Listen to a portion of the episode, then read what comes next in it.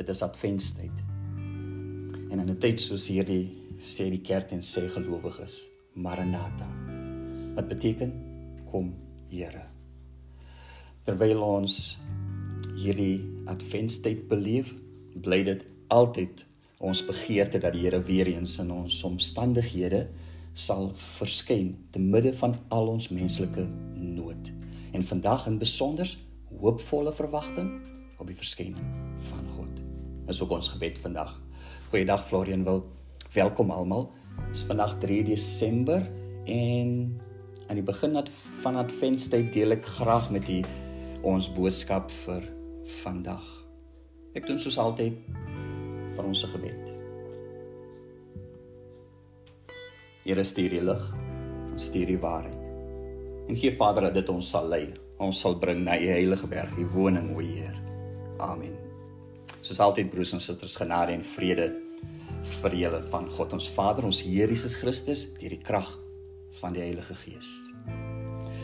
Ons teksgedeelte is Jesaja 64 vers 1 tot 9. En ons tema vir vandag is ons almal is die werk van u hande. En dan word hierdie is die woorde van die profeet wat jy sal hoor in die teks. En dis 'n versigtiging tot die Here dat die Here dit tog nie moet vergeet nie. Vers 1. As maar die hemel wou oopskeer en afdaal. Die berge sal bewe van die teenwoordigheid. Soos vuur strykgewas laat opvlam. Soos water deur vuur tot kookpunt kom. So sal die nasies bewe van wie u teenwoordigheid wanneer u u naam bekend maak aan die teenstanders. Toe u ons sagwekkende dade gedoen het wat ons nie verwag het nie, het hy afgedaal van wie u teenwoordigheid uit die berge gebewe.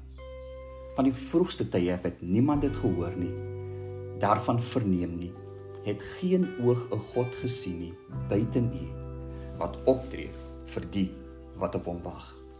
Hier kom elkeen tegemoet wat met vreugde doen wat reg is, wat op u paaie aan u bly dink. Kyk, u was toornig en ons het gesondig. Ons het lank in sonde verkeer sal ons verlos word? Ons almal het geword soos iets wat onrein is. Soos 'n besoedelde kledingstuk is al ons geregtighede. Ons almal het verwelk soos blare en soos die wind het ons sonskuld ons weggedra. Daar is niemand wat die naam aanroep of homself wakker skik skit om aan U vas te hou nie, want U het U gesig vir ons verberg ons oorgelewer aan die greep van ons sondeskuld. Maar nou Here, U is ons Vader. Ons is die klei en U is ons pottebakker. Ons almal is die werk van U hande. Moenie mateloos toornig wees nie, Here. Moenie vir altyd ons sondeskuld onthou nie. Ja, sien tog in. Ons is almal U volk. Dis ons teksgedeelte in Jesaja 64 vers 1 tot 9.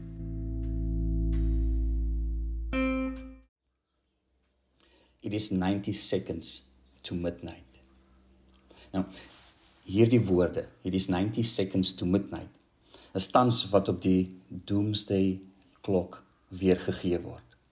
Daar's 'n groep ehm um, wetenskaplikes wat hierdie doomsday klok ontwerp het en die gedagte daaraan is die horlosie waarsku ons as mense hoe na ons daaraan is om ons wêreld te vernietig. En veral te vernietig deur gevaarlike tegnologie, atoomenergie of kernkrag in besonder ook atoombomme, maar ook klimaatsverandering en hoe alles saamspeel dat ons dalk op die rand is van selfverwoesting. En volgens die horlosie ons nou die naaste aan selfvernietiging as wat ons ooit was. En hierdie tyd is grootliks bepaal deur die voorslepende oorlog tussen Rusland en Oekraïne. Maar dis nie al gevare wat ons het nie. Tans is daar ook die oorlog tussen Israel en Hamas. Die ons kerk die algemene sinode het 'n kort verklaring uitgereik en spesifiek vir vandag en hierdie Sondag gevra vir geleentheid vir gebed deur die hele VGKSA vir die beëindiging van alle konflik en oorloë in ons wêreld. En dis waartoe die kerk vandag opgeroep word. En as ons dink aan hierdie oorlog en in ander dele van ons wêreld is dit net hopeloos te duur. Te duur wat lewensverlies betref. Um te duur aan broers wat dit kos om 'n oorlog te finansier en in die miljarde rande word spandeer aan aan oorlog. Om nie eens te praat van die algemene verwoesting wat dit saai nie en of dit die Gaza strook is of enige ander plek in die wêreld en die invloed van hierdie oorlog op die res van die wêreld kan nie onderskat word. Wêreldvigsdag is 1 Desember gewees. En vir ons in Suid-Afrika is hierdie HIV vigspandemie steeds 'n massiewe probleem. Van die bykans of ongeveer 39 miljoen geïnfekteerdes in die wêreld het ons om en by 7.8 miljoen. En so dit beteken dat ons 'n groot probleem het. Laas jaar het ongeveer 45000 Suid-Afrikaners gesterf aan vigsverwante oorsake en minstens 60000 nuwe geïnfekteerdes het bygekom. Hierdie probleem is nie weg vir ons as Suid-Afrikaners nie, inteendeel, se daaglikse realiteit vir baie baie mense. Dink aan die 16 dae van aktivisme 25 November tot 10 Desember soos reeds in hierdie tyd ook. En wat wys die statistieke weer eens vir Julie tot September hierdie jaar? 881 vroue vermoor. 293 kinders vermoor. Meer as 10500 verkrachtings en dis net wat aangemeld is. En dis dis die realiteit van vroue en kinders in ons wêreld en ons land. Die fisiese emosionele uh mishandeling van elke elke dag en die meeste van die kere is dit deur mense wat hulle self ook ken. 90 seconds to midnight? Ek dink vir vele mense in ons land en in ons wêreld is dit al reeds middernag vir hulle. Dink aan die oorlog getuisterde gebiede. Dis presies wat hulle beleef. Dink aan die wat terminaal siek is en in die hospitaal is wat eintlik eintlik net wag dat hulle hierdie lewe gaan verlaat. Dink aan mense wie se lewe op 'n manier in tye gestort het. Of dit nou deur geweld teenoor hulle is of watter manier ook al. En dan wonder ek baie kere weet hoeveel tyd is oor op ons horlosie. Hoe ver is ek of u van middernag af? En ek weet omdat die wêreld so onseker is. Dis net is net een diagnose ver en dan en dan temel my wêreld in deye. Dis net een ongeluk ver. Dis net een stupid mistake en my lewe verander. So ja. Ons is beslis in 'n krisis as wêreld. Um ook hier by ons. Nou. Ons teks vertel van Israel se noodroep. Dis nou in die tyd van Jesaja. En wat is hulle gebed? Lees ons in Jesaja 64: Here, as U maar die hemel wou oopskeer. Met ander woorde, wat hulle ervaar is 'n geslote hemel en dis vir hulle ondraaglik, want dit beteken dat die Here afwesig is. Vers 7: Here, U verberg U gesig vir ons. En dan dan is daar hierdie roep tot die Here, Here, wie soos voorheen, soos vroeër, soos in die ou tyd Here ondergaan 'n hartsverandering. Dis letterlik wat hulle vra. Wie's tog weer soos vroeër kom terug.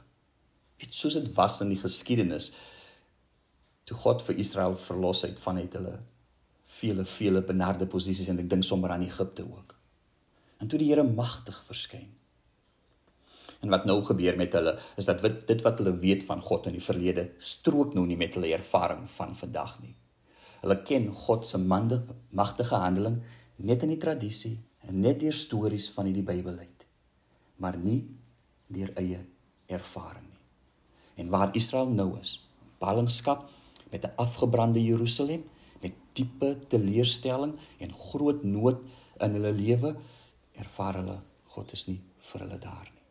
En daarom die gebed, Here, sê tog maar die hemel wou oopskeer as ek die teksgedeelte nog verder iets kan sê daaroor, hulle dink ernstig oor hulle sonde. Hulle beleef 'n ernstige worsteling.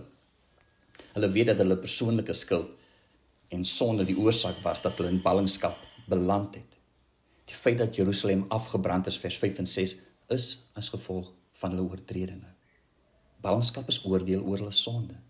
Ons het lank verkeer in sonde. Ons het almal geword soos iets wat onrein is, sê hulle. Maar as 'n daar's 'n ander deel aan sonde wat vir hulle worsteling bring. En dis vers 7. Hulle hou God verantwoordelik vir hulle sonde. Hulle sê Here, hoekom het U toegelaat dat ons as volk so ver afgedwaal het? Dis deel van hulle klaaglied. Hulle worsteling is sonde as skuld, ja, eie skuld, maar ook sonde as lot, met ander woorde, asof hulle daarin nie 'n keuse gehad het nie. Asof hulle maar slagoffer is van omstandighede. En dan vra hulle vir die Here, Here, hoekom het U ons hardkoppig gemaak vir die gebooie en vir die paaie? Hoekom het U toegelaat dat ons afdwaal van die paaie? Dis hulle worsteling. En dan is daar ook die besef van ons teksgedeelte maar die Here is ons Vader, hy het ons gemaak en ons gevorm. En dat hulle totaal en afhanklik van God is. Maar die belewenis bly. Hemel is gesluit terwyl hulle wêreld vernietig is. En daarom treur hulle en huil hulle voor God oor hulle onbewoonbare stad. Oor alles wat vir hulle kosbaar was wat nou in pyn lê. En hulle het hierdie lied jaar na jaar gesing vir die 70 jaar in ballingskap en vir die tyd daarna toe hulle terug is in Jerusalem. En die werklikheid van hierdie gebed dat die Here die hemel moet oopskeer is van geslag tot geslag daar. 'n Klaaglied in die mond van die volk. En dis waar van ons ook vandag. En daarom is ons gebed ook vandag terwyl ons dink aan ons getuisterde wêreld, Here, skeer die hemel oop. Here, ons is almal die werk van U hande.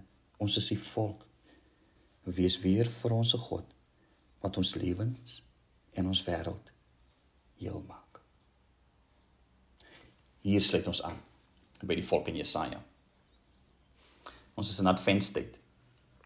Dit is nou 4 weke voor Kersfees wanneer die kerk die koms van ons Here Jesus Christus herdenk. En ons herdenk in werklikheid die geleentheid toe God die hemel oopgeskeer het en ons sy seun gegee het as verlosser vir die wêreld. Onthou u hoe die engele gesing het vrede op aarde? Onthou hoe Jesaja sê in hoofstuk 9 ons vredesvors het gekom in ons Messias. Sy heerskappy sal uitbrei en hy sal vir altyd vrede en voorspoed bring. Dink wat sê Paulus in Efesiërs 2, maar Jesus is ons vrede. Hy wat die vyandskap wat soos 'n muur skeiding maak afgebreek het wat waar is broers en susters dat in adventstyd die tyd waarin ons nou is het ons hierdie ervaring dat ons die Here erg nodig het in 'n wêreld soos ons in en dat ons ook 'n toe hemel beleef. So wat leer ons? Wat moet ons nou maak? Wat wil die woord van die Here vir ons sê? Terwyl ons 'n diepe worsteling dis het oor eie skuld en God se afwesigheid in ons lewe en ons stikkende wêreld. Is dit tog adventstyd? En advent leer vir ons dat blydskap naby is, dat swaarkry binnekort verby is en daarom word ons in adventstyd opgeroep om nie hoop te verloor nie. Ons moet aanhou bid. Aanhou ons klaaglied tot die Here bring. Maar net nooit En dis wat Advent ons wil leer, nooit 'n dooie berusting het in ons omstandighede tans nie. Dis nie die weg van 'n Christen nie. Ons leef met lewende hoop en ons bring dag na dag ons lied en ons gebed na die Here toe. En dis waartoe ons opgeroep word. Dis ook waartoe die kerk ons vandag oproep om te bid vir ons getuisterde wêreld en sy vele vele probleme. Moenie ophou bid nie. Jy moenie ophou glo nie. Die Here sê advent het afgekom. Die Here is naby en hy sal weer kom. En wat doen ons terwyl ons wag en bid vir die oopgaan van die hemel sodat ons wêreld heel gemaak kan word? Wat ons dan doen is ons leef as liggaam van Christus wat die goeie boodskap van vreugde en vrede vergestel soos Jesus ons geleer het. Ons is vredelewende mense. Ons is bedagsaam. Ons is vol medelee. Ons is opreg met ander. Ons is het liefde vir ons vyand soos Jesus. Ons begeer nie wat ander het nie want dit maak ons afgunstig en as ons eers afgunstig raak, dan wens ons nie die beste vir ander nie, dan bid ons selfs teen hulle. Ons praat nie kwaad nie en ons vervloek nie, dis nie ons weg nie. Maar vreemdeling, weduwee en wese, hulpelose, help ons. Ons is mense wat eensgesind is. Ons verskeer nie en ons skeer nie. Maar ons leef met die gesindheid van Christus elke dag. En ons is aan mekaar onderdanig. En ons speel nie baas oor mekaar nie, want God weerstaan hoogmoediges en gee genade aan nederiges. Konkreet en sigbaar leef ons soos Jesus midde ons wêreld vol konflik. Elke dag in ons huise en ons samelewings, in ons werkplekke, in ons en rondom ons en met ons families. Want salig is die vredemakers, sê Jesus. Ons glo as Christene dat die evangelie krag het tot verandering. En ons glo dat een persoon gebruik deur die Here die verskil kan maak. Ons glo in the power of one. In Jesus wat ultimately die wêreld verander het. Maar dit ook nou vir ons moontlik is omdat ons leef soos Christus om 'n verskil te maak in ons lewens en vrede te bring en wie weet wat sal gebeur as die kerk werklik sy roeping uitleef en ons almal presies dit doen. Dit beteken vir die vele Christene in hierdie wêreld sal hierdie wêreld 'n beter plek raak vir onsself en vir ander. So ons hoop en ons bid en ons werk tot verandering. Mag die Here ons help. En biddelike Heer, dankie vir die voorreg, Here om ons eie omstandighede Here weer in die oë te mag kyk. Here nie ons oë daarvoor toe te maak nie. Maar aan terselfdertyd ook Here terwyl ons dit doen te besef dat ons in die moeilikheid is. En dit amper Here middernag vir ons geword het in hierdie wêreld. En nou Here kom ons soos Jesaja en die profeet um, en die volk Here en ons kom lê ons klaglied voor die Here sien ons raak. Here ons is Here ons is u kinders. Here ons is u volk. Here u het ons gemaak, Here. Here skeer die hemel open, kom af, Here. In my omstandighede en die van ander, Here. Almagtige Heer, en gee dat ons die krag van u oortuiging sal hê om te leef soos u vir ons geleer het en dat ons 'n klein verskil maak. Want Here, as ons ons lig laat skyn, duisternis sal wyk. Want dis hoe dit werk. Dankie Here.